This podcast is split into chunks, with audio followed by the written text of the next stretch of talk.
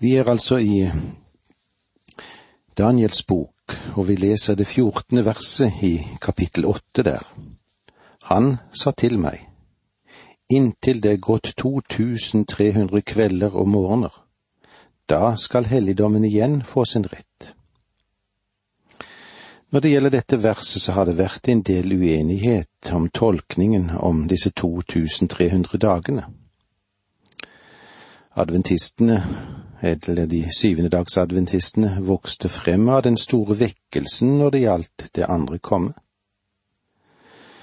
Og eh, dette verset har blitt gitt i tolkning der en dag var ett år for tiden da Kristus skulle komme igjen, ble satt til året 1843.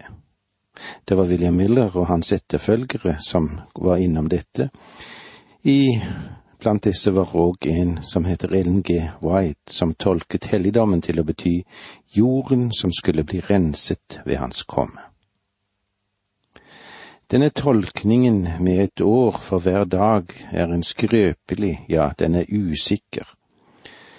Den er usikker for all slags profetisk teori, da. Og historien har jo bekreftet at den tolkningen som vi har hatt foran oss nå, den var falsk. Men hvis de 2300 årene er å forstå som bokstavelig talt med 24 timer, da dreier denne perioden seg om seks–syv år, om Antidokus som bedrev sin forferdelige og skjendighet som begynte omkring 170 år før Kristus. Til sist maktet ikke den jødiske presten Judas Makabeus, eller hammeren, mer han tok og drev ut den syriske hær, og tempelet ble renset og gjeninnviet etter den store vannhelligelsen som hadde funnet sted. Denne renselse blir feiret ved lysfesten. Og hvis vi ser i Johannes 10, 22, så står det der, Nå kom den festen som ble feiret i Jerusalem til minne om tempelinnvielsen. Det var vinter. Dette var en av de hellige dagene som ble feiret på Kristi tid, og den blir fremdeles minnet av jødene. Det er en fest som ikke blir nevnt i Det gamle testamentet i det hele tatt, fordi den ble innstiftet i interimsperioden mellom Det gamle og Det nye testamentet. Vi vil nå se litt på meningen med synet av væren og bukken. Gabriel skal gi Daniel tolkningen. La oss nå lese versene 15 og 16 her i kapittel 8. Da jeg, Daniel, hadde dette synet og forsøkte å forstå det, sto det brått foran meg en skikkelse som så ut som en mann. Og over Ulei hørte jeg en menneskerøst som ropte, Gabriel, forklar synet for denne mannen. Daniel kjente seg forvirret ved det synet han hadde sett, og han ønsket inderlig å kjenne betydningen av det. Da åpenbarte engelen Gabriel seg for ham. Dette er første gang Gabriel blir introdusert for oss i Bibelen. Den andre tingen her som vi er innom, er væren er Media og Persia. Vers 17. Så kom han bort til det stedet hvor jeg sto, og da han kom, ble jeg redd og kastet meg ned med ansiktet mot jorden. Han sa til meg, Hør, menneske, for synet gjelder endetiden. Gabriel, i den forklaringen som nå følger, vil gjøre det klart at Antiokus Epifanes barv, er et bilde i miniatyr av den kommende Antikrist for synet gjelder endetiden. Legg merke til at det er endetiden, ikke tidenes ende. Så langt jeg vet, forteller Bibelen oss ikke noe sted om tidenes ende. Endetiden er punktet for den fullstendige oppfyllelse av denne profi i den perioden som den Herre Jesus kalte for den store trengselen. Den mannen som ble henvist til, er Antikrist, også kalt syndens menneske, og det lille håren i kapittel syv. Denne profeti går ut over den umiddelbare fremtid og peker på en langsiktig fremtid. Selv i vår tid hører den profetien fremtiden til. Antiokus er bare et varsel om det andre lille horn som vil komme ved slutten av hedningenes tid. Og eh, jeg synes at dette trer klart frem når denne eschatologiske formuleringen blir brukt. Vers 18 Mens han snakket til meg, lå jeg sanseløs med ansiktet mot jorden. Men han tok fatt i meg, reiste meg opp. Legg merke til den fysiske virkningen dette synet hadde på Daniel. Vers 19, og sa, Når vil jeg la deg få vite hva som skal skje når vredestiden tar slutt, for synet gjelder endetiden. Gabriel han beveger seg igjen fra den temporære fullbyrdelsen i Antiokus til slutten for hedningenes tid. I vers 20 Væren du så, den som hadde to horn, er kongene i Media og Persia. De blir altså her klart identifisert for oss. Vi behøver ikke å spekulere på det. Væren den representerer definitivt Medias og Persias konger. Det tredje som vi skal gå innom og si noe med bukken, er det gresk-makedonske riket. Vers 21 Den raggete bukken er kongen av Javan. Den, det store hornet den hadde i skallen, er den første kongen. Så den raggete bukken blir også definert som den greske konge, og det store hornet er den første kongen, Alexander den store. Vers 22 Når dette hornet ble brukket av, og det vokste opp fire andre i stedet, betyr det at det skal oppstå fire kongeriker av hans folk, men de skal ikke ha samme kraft som ham. Med andre ord så ville ingen av disse fire kongene eller generalene ha den makt som Alexander den store hadde hatt. Og så kommer vi til det fjerde punktet, det lille horn er Antiokus Epifanes. Vers 23 Ved slutten av deres herredømme, når brottsmennene har fylt syndens mål, skal det stå fram en konge med hardt ansikt og glatt tunge. Det lille horn er Antiokus Epifanes fra den slekt som tok Syria. Den eneste brukbare forklaringen av dette verset og historiens fakta er at denne mannen, han var demonbesatt. I så henseende er han også et bilde på den kommende antikrist, Jesus henviser til ham når han sa i Matteus 24, 24. For falske Messiaser og falske profeter skal stå fram og gjøre store tegn og under, for om mulig å føre vill selv de utvalgte.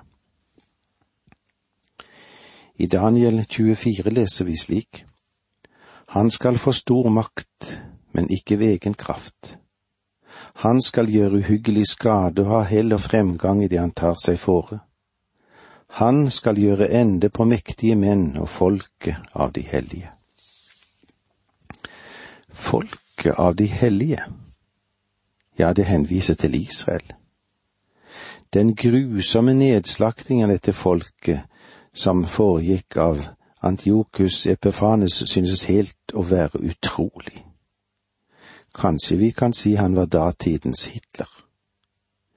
Men han er bare en modell for den antikrist som skal komme, om hvem det er sagt, og som det står i Åpenbaringen 13.7. De fikk også lov til å føre krig mot de hellige og vinne over dem, og de fikk makt over hver stam og hvert folk. hvert tungmål og hver nasjon. Og med disse ordene må vi si takk for nå, må Gud være med deg. Dette undervisningsprogrammet består av to deler. Åge Nevland fortsetter nå med andre del av dagens undervisning. Vi er i Danielsboken. Vi ser hvordan det vil gå i den siste tid, og det han forteller oss med meningen om med synet om væren og bukken. Vi lærer mye ut av denne boken, og det er viktig for oss om vi klarer å fange opp det som Daniel gjerne vil meddele og gi oss. I det 25. verset i kapittel 8 leser vi slik. Fordi han er klok, skal hans svikefulle ferd lykkes for ham. Han skal være stor i egne tanker og utrydde mange når de minst venter det. Han skal reise seg mot høvdingen over høvdingen og bli knust, men ikke ved menneskehånd. Antokikus var bare et vagt uttrykk for denne kongen som kommer. Han vil være i forstørret skala. Stå for fire av de forhold som Antiokius representerte. Det første er hans svikefulle ferd skal lykkes for ham, sies det i åpenbaringen 1317. Og her er det at ikke noe menneske skal være i stand til å kjøpe eller selge uten å ha dyrets merke på sin panne. Han vil kontrollere økonomien, og når han kan kontrollere økonomien, så vil han gjennom dette òg kunne styre sin hevn. Det andre, han skal være stor i egne tanker. Åpenbaringen 13.5 sier at han har en munn som taler store ord og spotter. Han får makt til å kunne drive på i 42 måneder. Ydmykhet er sannelig ikke karakteristisk for Antikrist. Han er som Satan, som var full av hovmod. Det tredje er at han skal utrydde mange når de minst venter det. Han kommer som et lam, men ender opp som en løve. I åpenbaringen seks er han rytteren på den hvite hesten. Legg merke til at tett etter ham kommer den røde hesten som står for krig. Han har ført inn en falsk fred. Og det fjerde, han skal reise seg mot høvdingen over høvdingene. Her ser du at han også vil bekjempe Kristus. Et av kjennetegnene på Antikrist og det første dyret i åpenbaringen 13 er at det står Kristus imot. La oss se videre i Daniel 8,26. Det er sant, dette syn om kvelder og morgener som her er fortalt. Du skal gjemme på synet, for det gjelder en fjern framtid. Vi står altså her ved endetidssituasjonen, det gjelder en fjern fremtid. I vers 27 jeg, Daniel, var syk i flere dager. Så sto jeg opp og gjorde min tjeneste hos kongen. Jeg var lamslått av synet og forsto det ikke. De fysiske og psykiske virkningene av dette synet på Daniel var rystende. Nettopp under disse syner var det Gud begynte å føre hedningenes tid inn i historien til israelsfolket og det var det som forundret, og det var det som forvirret Daniel til å begynne med. Og dette, det forvirrer fremdeles mange mennesker. Hvordan kan Gud koble sammen sitt program for Israel i det program han har for hedningenes tid her på jorden? Og for enda mer å komplisere dette bildet, så har vi jo også hans plan med menigheten. Svaret på dette er selvfølgelig ganske enkelt. I vår tid kaller Gud ut et folk for sitt navn. Og vi betegner denne gruppen som menigheten. Når denne epoken er avsluttet, og menigheten er løftet opp fra jorden ved bortrykkelsen, vil han igjen vende seg til Israel og til hedningene for å sluttføre sitt program, sin målsetting for dem. Og det var det vi fikk med oss ifra kapittel åtte. Vi går nå inn i kapittel ni og vil se litt på Daniels syn om de 70 ukene angående Israel, er svar på bønn. I det kapitlet som vi nå går inn i, det er et av de mest fantastiske i Skriften. Ja, det er noen som mener det er det største kapittelet i denne boken og et av de mektigste kapitlene som vi har i Bibelen. Det doble temaet her er bønn og profeti. Om en eh, skulle velge ut de ti mektigste kapitlene i Bibelen under dette mektige temaet bønn, ja, da ville dette kapitlet være inkludert i denne listen. Om eh, de ti viktigste kapitlene angående profeti ble plukket ut, ville dette kapitlet stå på den listen. De første 21 versene gir oss en innsikt i Daniels bønn, og i de siste seks versene gir oss meget viktig profeti hvordan og om de 70 ukene. Daniels bønn. Denne bønnen av Daniel, den er faktisk en kulminering av hans bønneliv. Daniel kalte sammen til et bønnemøte for å lære å kjenne innholdet i Nebukadnesers drøm ved begynnelsen av denne boken. Og han har vist seg å være et bønnemenneske, han, hele veien, hele livet igjennom. Bønnen i dette kapitlet gir oss et mønster for hans bønneliv, og det gjør oss kjent med premissene for bønn. Her er noen av de grunnleggende elementene i bønnens vesen. Målrettet plan.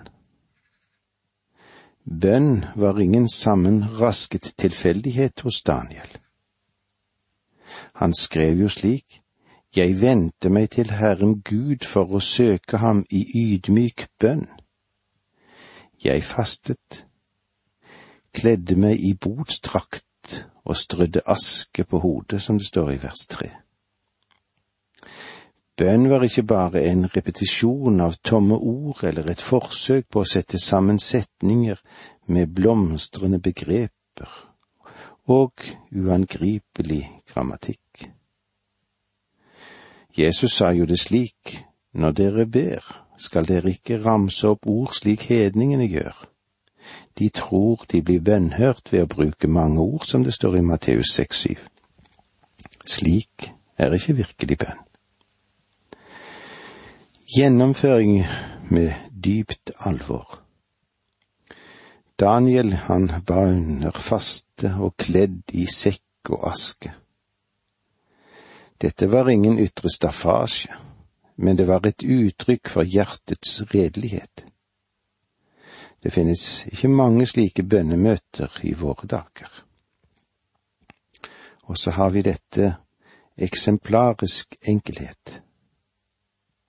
Daniel var enkel og rett fram i sin bekjennelse. Han var ikke der for å presentere seg selv, men for å få vite hva Gud ville. Et annet område i Daniels bønner er kraftig forbønn. Daniel mottok et svar mens han talte og ba. Engelen Gabriel åpenbarte seg for ham for å gi ham en forklaring.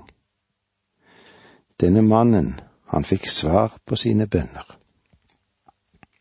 I 1. Johannes 5,14 får vi disse ordene med oss. Og dette er den frimodige tillit vi har til ham om vi ber om noe etter hans vilje så hører han oss. En annen side ved Daniels bønn er dette, personlig og hemmelig. Daniel trommet ikke sammen et til et offentlig bønnemøte. Hva gjorde han? Jo, han ba i enerom. Denne bønnen hans kan bes på tre minutter. Han ba ofte også når han var alene. Denne bønnen, som vi òg kaller den ypperste prestelige bønn, og som vi finner igjen i Johannes 17, kan også bes på tre minutter. Det er mange som kan tenke seg å være med på et bønnemøte, men det de egentlig trengte, det var å be mer i enerom. I enerom. Vi har òg en side til som var nokså sterk i Daniels sine bønner. Fullt gjennomslag. Bønn er den eneste makt som trenger gjennom det ytre rom frem til Guds trone. Var det ikke Isak Newton som sa at han kunne titte gjennom teleskop og rekke frem til den nærmeste stjerne? Men han kunne legge fra seg teleskopet. Han gikk ned på sine knær og fare gjennom, ja hvor, jo til de ytterste himler til Guds trone. Det var det sterkeste for Newton, og det er det sterkeste for oss. Bønn for Daniel var en sjelden opplevelse, det var en åndelig kamp. Og så var det òg noe sjelen fikk lov til å oppleve. En slik bønn, det kan være en slitsom gjerning. Det krever sin anstrengelse, og det krever utholdenhet og lidelse. Det var det vi fikk med oss nå i dag. Takk for nå må Gud være med deg.